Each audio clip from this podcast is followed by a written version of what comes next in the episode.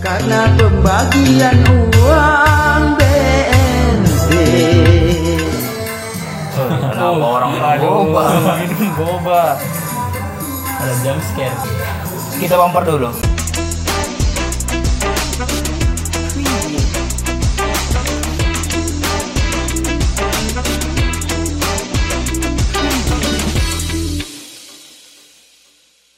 Kembali lagi bersama kami di Magnificent Network Nah, edisi terbaru di hari Ramadan. Dua Syawal. Hari Ramadan setelah masuk. Iya. Ya, di dua Syawal kita tag ini orang lain masih keliling-keliling untuk bersilaturahmi kita bikin konten. Ya, memang dasar pemuja dunia Produktif. produktif, produktif. Cuan. Udah budak-budak cuan. Makanya saya pakai ini, ini atribut. Ada kenapa tidak suka dengan atribut saya hari ini? Bagus. Ada kenapa tidak suka? Cukup teduh ya. Cukup teduh. Memang Anda lihat kalau Keluarannya. Teduh. tidak. Ada kenapa kalau lihat orang-orang begini biasa di mana? Iya. Di tempat-tempat yang tarik. Nanti teman-teman yang trik ya. Oke. Jadi kita di episode ini spesial Idul Fitri. Kami mengucapkan selamat Idul Fitri untuk teman-teman yang merayakan dan teman-teman yang merayakan hari hari lah apa untuk di agama Menaikan. Di agama Kenaikan. Kristen dan Katolik itu memperingati hari kenaikan Isa Al-Masih. Ya. Dan juga untuk yang mungkin tidak punya agama kami ucapkan selamat hari Kamis. Oke. Nah, di episode kali ini kita sudah berada di di hari yang baik. Kemudian sudah ada orang yang menemani kita, Pak, untuk membahas topik-topik dan tema hari ini. Jadi kita sudah kedatangan eh, duta kampus, Duta kampus ya. duta kampus Politeknik Kesejahteraan Sosial Bandung, Abdul Aziz Nur. Kita kenalkan dulu ini, ini kita. Ya, beliau ini seorang duta kampus dan salah satu mahasiswa dari apa apa apa prodinya saya lupa prodinya Kalau saya di prodi pekerjaan sosial. prodi pekerjaan sosial Pas sekali ya dengan pas sekali kita dengan topik-topik kita Hmm. jadi kita akan membahas tentang kesejahteraan sosial Ya. Silakan eh, kru jadi kita sudah ini ada ada ada, ada peningkatan Iya. di studio baru Studi kita lebih di studio baru ini sebenarnya lokasi. KLB kita sebenarnya pak kita aja oke Video sampai pura-pura sholat terpergok selingkuh di kamar diduga WIL. Ini reaksi istri. WIL itu apa? WIL itu apa? Gue wanita zaman lain pak Oh. Oke, jadi ya intinya ada ada orang yang gerbek dan dia ini sholat. Ya. Kalau menurut Fajar dulu, ada orang selingkuh, terus eh di gerbeknya dia sedang pura, di, dikatakan pura-pura sholat. Enggak, enggak tahu apakah pura-pura atau enggak ya sebenarnya. Iya. Masih apa Siapa tahu sholat isya Masih sholat isya. atau qiyamul lail juga. Ya. Ini ini kapan eh, beritanya? Beritanya coba kita lihat dulu keterangannya. 12 Mei 2021. Berarti masuk eh, enggak sehari sebelum Belum Ramadan. Ramadan. Bagus dia ini meluruskan Dosa dosa. Iya. 12 Mei loh. oh iya tapi betul ya? Oh iya, tapi Iya. Sekarang Anda lebih- Padahal baru lewat kemarin. benar kemarin. Sekarang Anda sudah lupa. Memang. Iya. Nah, Bisa jadi sih ini. ini salat beneran, Pak. Bener iya. Iya, saat isya. Atau mungkin dia eh, apa sih namanya itu? Hmm. Tiga rakaat penutup Eh, salat witir. Salat Witir, mungkin dia kebetulan kebetulan istrinya datang gitu. Bisa Nah. jadi ya. Bisa jadi. Nah, kalau pendapat saya melihat ini hmm, bisa jadi memang ketika orang sudah eh, terpergok dia akhirnya ini menyadari kesalahannya dan salat tobat. ya, menurut saya ini juga suatu hal yang baik istrinya jangan langsung merasa suamiku saya kenapa aku belum sholat dia sudah sadar itu itu sudah sadar. Ini mirip kisahnya Firaun ketika Kisahnya Firaun. dipergok ya, eh apa eh, ketika di eh, kisah Nabi Musa. Kira Musa. Kan Firaun sudah terjebak di so, apa di laut yang terbelah. Iya, iya, dia masih minta ampun loh. Minta ampun. Ini juga dia. Dia juga. Ketika sudah digerebek dia minta punya ke Tuhan minta ampun. Tolong bagus. Ini berarti pengetahuannya tentang kisah-kisah para Rasul Tapi- bagus. tapi tersesat pak. Tersesat Kalau pendapat ini orang yang pernah tinggal di ini di dekat daerah mungkin ini mungkin yang jelas mungkin pernah lewat daerah ini. Pendapatnya soal orang selingkuh ini bagaimana? Lagi-lagi masalah perpelakoran orang ketiga. Orang ketiga. Nah, bisa dilihat dari kasus itu eh, istri sahnya menggerebek si WIL ini ya langsung terus dengan berkedok dia self defense Self defense. ya self defense-nya dia ibadah jadi seakan-akan eh, dia tidak bersalah gitu kita juga belum tahu ya apakah itu benar-benar eh, sholat atau cuman pura-pura Kita lanjut ke berita berikutnya. Kita tadi kayaknya ada berita wali kota tadi itu. Ya. Oke. Warga bunuh diri karena miskin. Begini respon wali kota Bukit Tinggi. Oke, kita lihat beritanya ya. Oke, saya yang baca ya. Wali Kota Bukit Tinggi Erman Safar memerintahkan setiap lurah berkeliling setiap hari memantau warga miskin. Hal, hal ini dilakukan setelah salah satu warganya bunuh diri karena faktor kemiskinan. Pelajaran untuk kita semua, jika benar karena miskin dia bunuh diri, maka kita harus bersiap untuk pertanggungjawaban di hadapan Allah. Allah. Oh. Allah Akbar Segera kita jalankan besok, tanyakan kepada warga kita sudah makan atau belum. Target awal kita fokuskan ke masalah makan lebih dulu. Jangan sampai ada masyarakat yang tidak makan. Pak Irman. Oke. Warga-warga yang obesitas tidak bisa menolak. Kamu sudah makan kan? Kamu sudah makan? Belum, Pak. Belum, Pak. Itu? Itu. Ya kan bisa. Tapi kita puji eh, Iya. bagaimana eh, respon dari Bapak Wa- eh, Wali Kota Bukit Tinggi. Ini berarti beliau sangat konsen dengan kemiskinan. Tetapi kenapa harus tunggu bunuh diri dulu baru ada yang Bukan bukan karena ini ya. Yang jelas bukan karena ini. Tetapi eh, kita tersadarkan kan ada yang bunuh diri dulu. Tapi harus berarti orang-orang masyarakat masyarakat yang kurang mampu di Bukit Tinggi harus mendoakan yang terbaik kepada eh, eh, orang yang telah bunuh diri ini. Karena meskipun anda di neraka sudah tidak selamat, anda dikenang jasanya oleh warga kota Bukit Tinggi karena telah menyadarkan pemerintah kota. Ya. ya benar sekali Sudah sadar. Tapi di oh ya, kebetulan kita ada di dengan kita kan bahas-bahas itu tentang masyarakat miskin nanti saudaranya. Kita kita kan tanya-tanya dengan masyarakat dengan orang yang mempelajari itu secara akademik. Oke. Ya. Berita terakhir. Ya, itu. Oke. Tur wisata di Cina tipu-tipu, turis lansia diajak ke pemakaman. Tolong dibuka beritanya. Ini masih kredibel dan Ya, dari dari travel. Tapi saya mau tahu siapa yang tulis berita ini. Tolong dicari dulu. Ini. Putu In Intan. Putu Intan ya. Putu Intan menulis berita tur wisata di Cina tipu-tipu terus lansia diajak ke pemakaman. Oke, kita baca beritanya. Nasib malang menimpa sekelompok lansia di Cina yang terkena penipuan tur wisata. Bukannya mengunjungi objek wisata, mereka malah dibawa ke pemakaman eh, eh, Kamis eh, pada tanggal 6 bulan 5 2021 sekelompok turis di a- awalnya diminta membayar biaya tur sekitar 18 yuan atau se- atau 40 ribu dengan iming-iming pergi ke tempat yang indah. Hmm. Seorang pria bernama Zeng mengatakan kepada media lokal bahwa ia diundang dalam tur tersebut dalam agen perjalanan bernama Long Yao. Ia kemudian memberikan memberitahu kepada teman-temannya sedang eh, tentang tawaran tersebut. Mereka semua bergabung ke dalam tur itu. Oke. Terus eh, dari sebuah rekaman video yang beredar, tampak para lansia itu bernyanyi dan tersenyum selama dalam perjalanan menuju ke tempat wisata. Malangnya ketika sampai ke tempat wisata, malah dapat fakta bahwa mereka diantar ke pemakaman.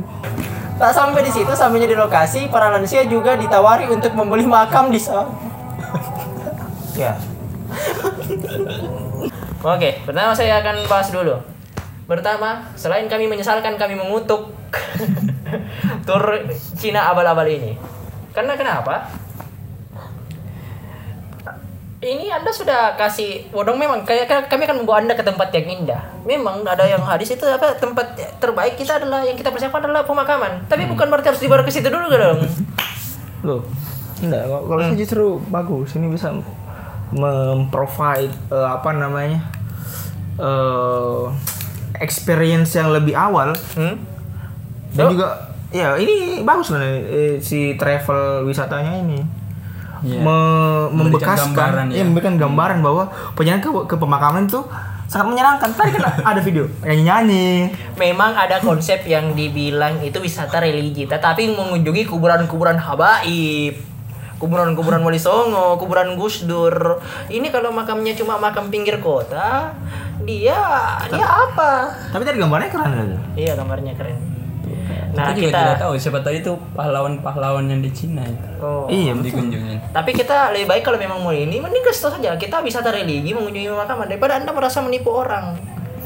Dan juga yang tadi memang ada ini ini ini bukan pertama kali di Cina. Tadi sudah disebutkan di Cina sempat ada yang bahkan eh, eh, apa eh, guide-nya itu dia memarahi wisatawan karena tidak tidak cukup banyak berbelanja. Jadi memang ada beberapa sistem itu yang ketika dia eh, berbelanja ke satu tempat, tempatnya itu men- memberikan tip kepada pramu wisatanya itu sesuai dengan berapa yang diperbelanjai, berapa yang berapa yang dikeluarkan uang oleh wisatawan yang dia bawa. Biasa ada ada ada sistem seperti itu. Tapi kalau sampai dimarah-marahi dipaksa, Anda belanja lagi, tadi aku sudah tidak butuh, ini tambah lagi. Nah, dia nggak gitu ngomong. Kamu di sana salah. Kamu nih. Tolong edit ya. Tidak mungkin dan seperti itu. ya intinya kami mengutuk apa yang terjadi di Cina ini tolonglah memang kasihan kepada ah, aki-aki dan nini-nini ini dan dulu kita tanya kepada orang-orang yang biasa berurusan dengan lansia dalam hal kesejahteraan sosial Ya, kebetulan dia jurusannya apa? Eh, pekerja sosial. pekerja sosial betul. apakah memang ketika dia ingin menghibur nenek-nenek itu salah satu tujuan yang bagus dibawa ke pemakaman Oh, tentu tidak. oh tentu tidak Lansia tidak butuh seperti itu sebenarnya. Lansia butuh hiburan dan teman untuk mengisi kekosongan selama dia menghabiskan eh, umur eh, selama hidupnya gitu. betul betul betul Kalau kita bawa ke eh, pemakaman seperti ini kayaknya lumayan kacau. dan saya juga mengutuk tim marketing dari pemakaman ini. Kenapa harus ditawari pemakaman? Kenapa tidak ditawari dulu? Misalnya bapak punya riwayat penyakit apa? Oh iya, saya punya kanker paru. Oh iya, tinggal tiga bulan lagi. Mau saya pesankan kan? Kan tidak mungkin seperti itu. Oke. Sekarang kita masuk ke topik. Jadi kita karena eh, yang kita temani beri, berisik pada episode ini adalah orang dari jurusan pekerja sosial. Iya. Ya, Kementerian Sosial ini apa ya hmm, banyak dibincangkan waktu awal-awal awal tahun kemarin, apa akhir tahun kemarin sampai dengan eh, sekarang sudah agak kurang gaung ya. Tapi kita akan putar cuplikan video ini. Salah satu yang masih menjadi perdebatan sampai sekarang adalah ketika Gus Dur membubarkan Departemen Sosial dan Departemen Penerangan. Kalau Departemen Sosial dulu, apa alasan persisnya? Sementara banyak orang terlantar yang harus diayomi oleh Departemen itu. persisnya itu. Karena departemen itu yang mestinya mengayomi rakyat ternyata korupsinya gede-gedean. Sampai hari ini. Kalau membunuh tikus kan tidak perlu membakar lumbungnya. Oh memang. Kenapa Anda bakar lumbungnya? Bukan. Karena tikusnya sudah menguasai lumbung.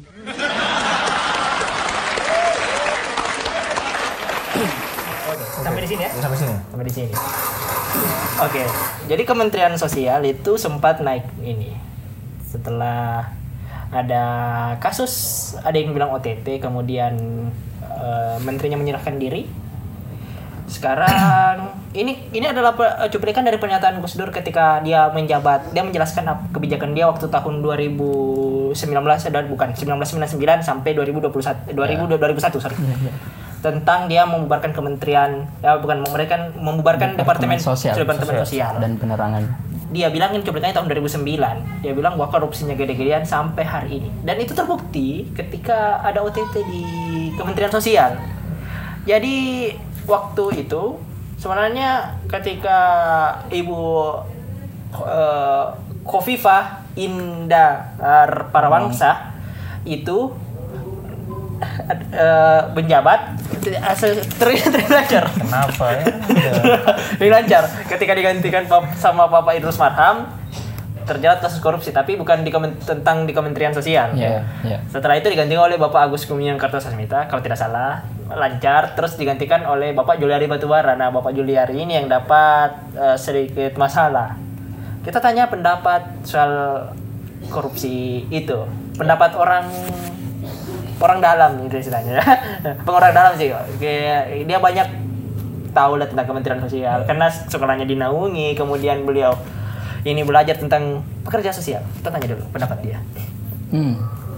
Kasus korupsi menteri-menteri ya. Ke, walaupun Pak Idrus Marham bukan eh, kasusnya tidak termasuk ke dalam periode yang dijabat. Terus Pak Juliari kemarin eh, terjebak korupsi juga di mana bantuan yang dikorupsi itu kalau tidak salah bantuan sosial yang diperuntukkan untuk ya yang dampak ter- Covid. terdampak Ya. covid Kemarin tertangkap karena eh, kedapatan mengumpulkan uang dari bawahan-bawahannya sebanyak 14 miliar yang tertangkap. Nah, menurut pendapat saya kalau di Kementerian Sosial memang ya kalau bisa dilihat tempatnya eh, bantuan sosial yang dengan uang yang sangat banyak gitu. Dari APBN ataupun eh, anggaran-anggaran pemerintah banyaknya juga di Kementerian Sosial. Jadi untuk PR dari Kementerian Sosial sebenarnya ada di pemerintah, terkhusus kepada presiden kita.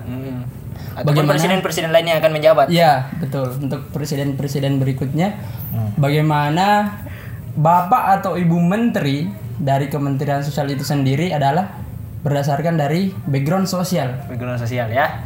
Benar sekali, dari background sosial. Karena kalau dia ahli di bidang sosial tentu dia tidak akan melakukan perbuatan seperti itu. tidak akan melakukan Tidak perbuatan melakukan perbuatan yang tidak terpuji seperti itu.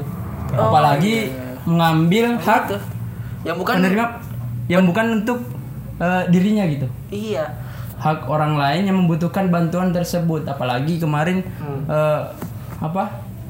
Dampak Covid ini sangat besar ya buat besar masyarakat. untuk masyarakat Mm-mm. dan sekarang itu menterinya sudah diganti oleh Ibu Risma yang juga Ibu bukan Risma. Dari background dari background kesejahteraan sosial. Jadi tolong.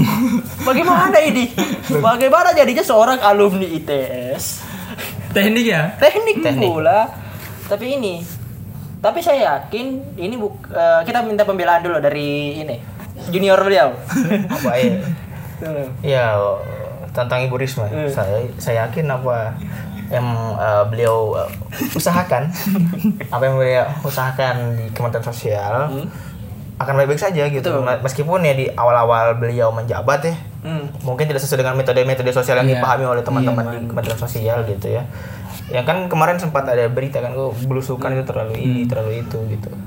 Saya yakin Ibu Risma pasti bisa mimpi karena dia anak teknik. Sifat Ibu Risma. tapi Sifat- intinya intinya eh, maupun dia mungkin akhirnya diputuskan bukan dari background Iya. ini tapi minimal belajarlah sama orang yang mempelajarinya. Jangan jalan sendiri begitu. Kita doakan ibu Risma baik sampai selesai masa jabatannya. Selamat lagi episode ini. Oke tapi ngomong-ngomong soal tadi ya ta- tapi menurut eh, ini eh, Ajis Kementerian Sosial harus dibubarkan atau tidak Menurut saya sepertinya tidak ya. sebenarnya tidak Kenapa begitu? Karena masalah kesejahteraan sosial yang ada di Indonesia ini masih terbilang cukup besar gitu. Hmm. Dan sangat berpengaruh untuk perkembangan dari Indonesia itu sendiri. Jadi perlu ada yang mengawal masalah-masalah sosial di Indonesia, Iya. yaitu Kementerian Sosial. Lalu Kementerian Sosial dan salah satu prestasi terbaik itu ketika waktu sekitar tahun 2000 bisa nanti ditampilkan beritanya itu ketika eh, ting- angkat kemiskinan kita itu menurun Iya. Se- terendah dalam sejarah Republik ini itu di angka eh, single digit 9, sekian begitu. Nah, ini angka kemiskinan. Tetapi saya mau tanya dulu. Sebenarnya paradigma ini, saya mau tanya, standar kemiskinan itu bagaimana? Ya. Kalau ini tadi katakan standar kemiskinan apa ya menurun kan? Kita bicara sesuai sebelum covid lah. Kalau kita bicara setelah covid itu ada semua negara menderita. Kita bicara dulu yang sebelumnya kan. Ini ini standarnya bagaimana? Karena begini. Kalau misalnya standarnya 500 ribu itu kalau ditingkatkan saja menjadi satu juta pendapatan yang miskin jadi tambah banyak. Kita pun masuk miskin cuma gara-gara masih kuliah saja belum dibilang miskin. Kemudian kalau misalnya standarnya makan daging, berapa kali makan daging dalam setahun? Perlu ditahu orang kolesterol, orang pantauan dokter, orang stroke tidak bisa makan daging dong juga. Berarti dia miskin, padahal mobil BMW-nya banyak. Ini pendapat dulu. Nah, kalau menurut pendapat saya, eh, kriteria miskin ini tergantung dari pendekatan yang dilakukan dari pemerintah gitu. Hmm. Bagaimana kita melihat sesuai kondisi lingkungan dari masyarakat itu sendiri. Betul tadi yang dikatakan oleh Pak Wais, kalau dia kolesterol berarti dia tidak makan, daging. Tidak makan daging. Lagi. Nah, berarti bisa dikategorikan miskin. dong? Miskin dong, tapi BMW-nya dua. Bagaimana dong? Punya Bitcoin. Hmm. Babi ngepetnya dua. ya, ya.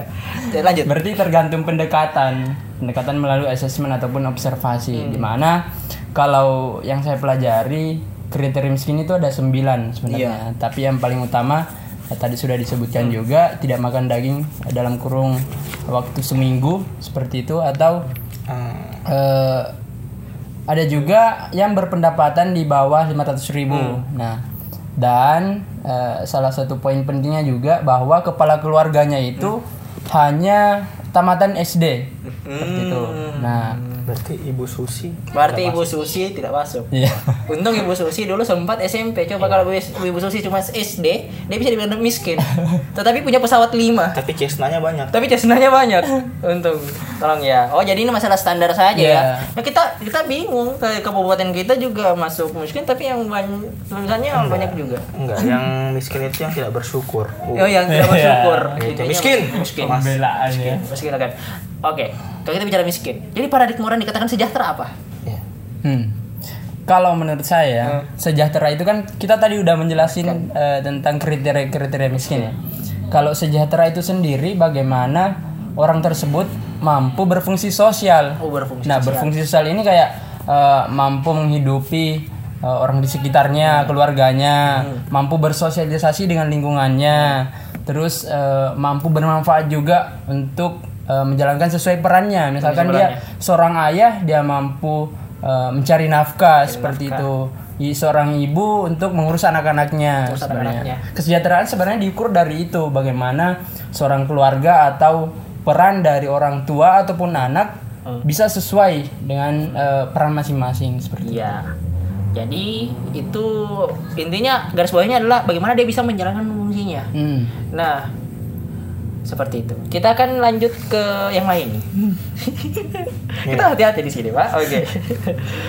Em, kita bicara soal oh, bagaimana sekarang eh, bantuan yang sudah digulirkan oleh pemerintah. Kita lihat di pemerintahan sebelumnya waktu zamannya PSBY itu, beliau itu memberikan BLT. Nah sekarang waktu masuk Pak Jokowi, masuk masuk Bapak Jokowi, presiden kita itu dia mengurangi pemberian bantuan langsung tunai bahkan tidak ada. Kita lihat dulu sebenarnya mana yang efektif atau mana yang bagus. Menurut Aziz. Menurut Aziz, orang yang belajar ya, bantuan langsung tunai atau bantuan non tunai. Hmm. Nah, kalau bisa dilihat ya dari periode Pak SBY ya, Hmm. lebih banyak eh, B- BLT. ya BLT langsung tunai langsung berarti ya. tunai, langsung dikasih setiap bulan atau per ke Ya. sekian bulan. Nah, di era Pak Jokowi ini langsung berubah 180 derajat. Hmm. Di mana pembagian bantuannya itu dalam bentuk kartu elektronik. Hmm. Nah, kartu elektronik ini sebenarnya bisa dimanfaatkan oleh KPM-KPM atau keluarga penerima manfaat untuk eh, lebih meningkatkan UMKM dari masyarakat itu sendiri. Jadi, program ini sebenarnya eh, bisa dibilang revolusi dari program dari Pak SBY ya yaitu langsung tunai di mana ketika ti- kita eh, dapat barang atau bantuan itu kita langsung nikmati. Betul. Nah, jadi bisa saja kalau menurut saya eh, hal itu tidak tepat sasaran juga. Karena kenapa? Eh, misalkan keluarga itu eh, bisa apa? punya sawah berarti dia tidak butuh beras dong. Oke. Ya enggak? Kalau dia eh, penerima manfaat ya atau dia kerja di sawah orang kan di- biasanya dia dapat beras dan tentu tidak butuh bantuan beras. Nah, kalau di era Pak Jokowi ini ada revolusi di mana eh, u- masyarakat atau KPM itu menerima uang. Nah, uang ini dibelanjakan di e-warung. Nah, e-warung ini Warung. merupakan eh, apa UMKM dari masyarakat itu sendiri diolah oleh masyarakat itu sendiri jadi uang tersebut ditarik terus dibelanjakan di warung atau eh, bisa dibilang itu dari program Kube juga. Nah itu sebenarnya. Apa kubu itu? eh, kelompok usaha bersama. Itu salah satu program dari Kementerian Sosial. Kementerian sosial. Banyak programnya jadi sudah dibubarkan. Iya. Saking banyak programnya nih kita kasih tahu. Jadi antara bantuan tunai dan non tunai lebih dari bagaimana melihat peruntukannya dulu mungkin ada yang harus harus tunai ada yang lebih bagus non tunai seperti itu oke Kemudian kita lihat dulu. Eh, ini aja ini ini mungkin ada yang baru dengar jurusannya ya. Ini sebenarnya jurusan pekerja sosial. Nah, sebenarnya apa yang di apa yang dikerjakan dan apa prospeknya? Apa yang mau diharapkan dari orang yang belajar pekerja sosial karena kan karena ujung-ujungnya juga tidak bisa jadi menteri. Selama ini yang jadi menteri ini bahkan anak teknik pun bisa jadi menteri. Iya benar benar. Tapi bagus. Tapi bagus beliau punya banyak program yang bagus. Tapi kita lihat dulu bagaimana curhatan hati dari anak ini. Sebenarnya ini jadi masih jadi dilematika buat eh, teman-teman lulusan pekerjaan sosial ya. teman. Intinya mau jadi apa gitu. Hmm. dan jurusan pe- eh, kesejahteraan sosial di mana sebenarnya kita tuh berfokus dididik secara akademik untuk mengetahui mengenali masalah-masalah sosial yang ada di Indonesia dan bagaimana kita sebagai calon pekerja sosial profesional bisa menyelesaikan masalah tersebut. Betul. Nah, nah untuk eh, prospek kerjanya mungkin eh, dari kampus kita diarahkan ke pemerintahan Pemerintahan. dan swasta. Dan swasta. Nah, pemerintahan ini dari jurusan pekerjaan sosial terusus saya dari Politeknik Kesejahteraan Sosial, sekolah dari Kementerian Sosial langsung. Jadi kedinasan dari Kementerian Sosial. Eh, mengharapkan lulusan-lulusan dari Politeknik Bandung itu bisa ditempatkan di eh, pemerintahan maupun swasta. Nah, pemerintahan tadi yang saya katakan di dinas-dinas sosial, di Kementerian Sosial untuk mengurusi bantu-bantuan sosial ataupun program-program Kementerian Sosial yang lain. Terus untuk di swastanya sendiri kita bisa bergabung di eh, organisasi yang berkecimpung Di tentang masyarakat. ya masyarakat baik itu lansia, ya, anak dan lain-lain kayak UNICEF, NGO NGO Betul. itu. Ormas bisa. Ormas bisa. Bisa. Berarti kurang satu kemarin tempat kerjanya. Kalau sama Karena ormas sudah ditutup. Kalau sudah ditutup. Apa Ya. itu? Apa Cari itu? sendiri. Cari sendiri. sudah ditutup karena sudah malam. Ya. Yang ciri-cirinya eh, seperti saya. Oke, kita lanjut. Nah, eh, jadi mengenai tentang eh, prospek kerjanya nih, jadi jangan ragu. Jangan bilang, "Wah, ini ini jurusan tidak jelas pekerjaan jadi apa?" Jangan jangan Anda pikirkan pekerjaan jadi apa. Ini mulia. Ya. Hmm, betul. Justru pekerjaannya yang paling banyak karena Banyak, banyak banyak. masalah sosial di Indonesia. Anda tahu, iya. Karena masalah orang orang-orang seperti ini tidak akan pernah habis untuk diurusi. Anda kan mengurusi anak yatim misalnya dalam ini kan, Ya. itu dijamin agama loh ini. Anda bisa kapan lagi Anda bisa bekerja dan diridhoi oleh Allah Subhanahu wa taala. Oke, dan itu bisa dilakukan dengan belajar kesejahteraan sosial langsung. Nah, terakhir kita lihat ini. Hmm, jadi menurut eh, Indo- apa ya negara kan menjamin eh, fakir miskin anak terlantar untuk dibelahara oleh negara. Sekarang kita lihat bagaimana orang yang pelajari kesejahteraan sosial mengomentari. Sudah sejahtera ke orang di Indonesia? Hmm, ada dua persepsi ya teman-teman terkait apakah sudah sejahtera orang Indonesia apa belum? Atau bahagia tinggal di Ya. negara ini? Apakah sudah bisa berfungsi sosial Berfungsi seperti yang sosial ini? saya katakan tadi? Misalnya dari Fakultas Teknik urusi kesejahteraan sosial itu kan berfungsi teknik, berfungsi berfungsi sosial kan? Gimana pak? Setiap orang di muka bumi ini dia teknik mau apa? Iya.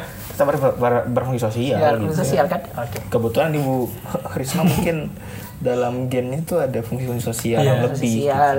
Beliau kan biasa kan? jangankan mem- memperhatikan ini eh, orang-orang yang punya masalah sosial. Taman saya dirusak tamanku. Jangan dirusak. Ya dia akan memperhatikan taman-taman. Silakan. Tadi lanjut lanjut. Nah, jadi. terkait kesejahteraan sosial menurut saya yang paling utama ya teman-teman. Bagaimana kita memaknai kesejahteraan sosial itu sendiri, terus bagaimana kita mensyukuri apa yang kita punya dan mengembangkan eh, apa yang kita punya sehingga menghasilkan sesuatu yang bermanfaat. Nah, kesejahteraan sosial dari menurut saya adalah itu.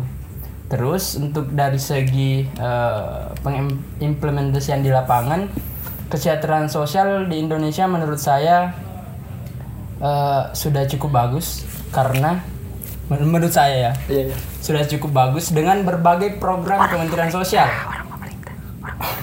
PR-nya yang sekarang yang jadi eh, PR penting untuk para aparat ataupun penerima manfaat ini bagaimana dia tidak keenakan menerima bantuan tersebut. Karena banyak di antaranya KPM KPM ini merasa enak dan tidak mengembangkan dirinya atau potensinya. Jadi kenangan untuk menerima bantuan terus-terusan. Nah, berarti PR yang paling penting bagaimana pemerintah melakukan pendekatan ataupun asesmen yang lebih sehingga bantuan yang diharapkan sampai yaitu kepada orang yang tepat atau orang yang membutuhkan. Dan yang yang kedua, bagaimana KPM KPM ini atau penerima manfaat ini bisa memanfaatkan bantuan tersebut untuk memikirkan eh, ke depannya gitu. Bagaimana dia bisa mungkin mengumpulkan modal usaha ataupun semacamnya bisa dipergunakan untuk di hari esok. Tidak hanya menikmati yang sekarang apa yang dia lihat. Luar biasa ya. luar biasa sekali Duta apa? Duta kampus. duta kampus tidak salah tidak salah dia, dia jadi duta kampus dan Politik Anda bangga lihat teman. Khusus anda bangga Lihat mahasiswa Anda nih. dan ini tolong eh, Ibu Risma mungkin cari staf khusus Ya, milenial menteri Boleh bisa dikontak Risma. Saya bisa dari dikontak background sosial insya Allah tahun depan sudah lulus. ya mungkin bisa dikontak langsung kita nanti taruh i- Ada di sini ya. IG-nya ya kita langsung bisa ini yang nonton juga bisa cari cerita uh, Ajis dan juga yang yang follower-follower Ajis bisa subscribe channel kami. Iya. nah, tapi yang paling ini adalah yang paling penting yang tadi saya ambil itu nanya adalah yang diberikan bantuan jangan kenakan Anda. Eh Iya. ini ini bahaya ini Anda, kalau yang Anda tuh bantuan ini. ma- mau terus dikasihani jangan begitu. Dapat ini soal orang-orang yang dikasihani terus bagaimana? Ya, jangan dipakai beli ini apa namanya? Chip, betul. Sekarang lagi hype Domino Hicks. Dari hasil Domino stres. sedekah-sedekah. Anda, Iya, ada dia bilang, waduh, Produktif, saya, Mas. saya sudah di PHK, tapi saya masih dapat ini masih dapat apa saya saya lupa saya, saya tidak di sini ya saya, saya tidak main tapi saya lihat beberapa kali orang mengantri di di ini di pulsa di penjual voucher pulsa saya kira dia mau apa tapi ternyata saya kira dia beli chips Oke, demikianlah episode kami kali ini. Tetap intinya Anda peduli orang-orang di sekitar Anda. Ya. Karena yang paling penting itu kita menolong sesama di orang terdekat dulu. Jangan Anda, oh saya tidak lihat ada teman saya yang kelaparan, tiba-tiba mati. Padahal Anda bisa tolong. Oke. Demikian episode kami kali ini. Eh, bisa berikan kami saran-saran yang bisa kami bahas sebelumnya. Terima kasih untuk Duta Kampus Poltek Esos Bandung yang sudah bersedia di sini dan merosting kementeriannya sendiri. Sekian, saya Wais. Sepajar. Saya Ajis. Kita jumpa di episode berikutnya dan bumper dulu. Creamy.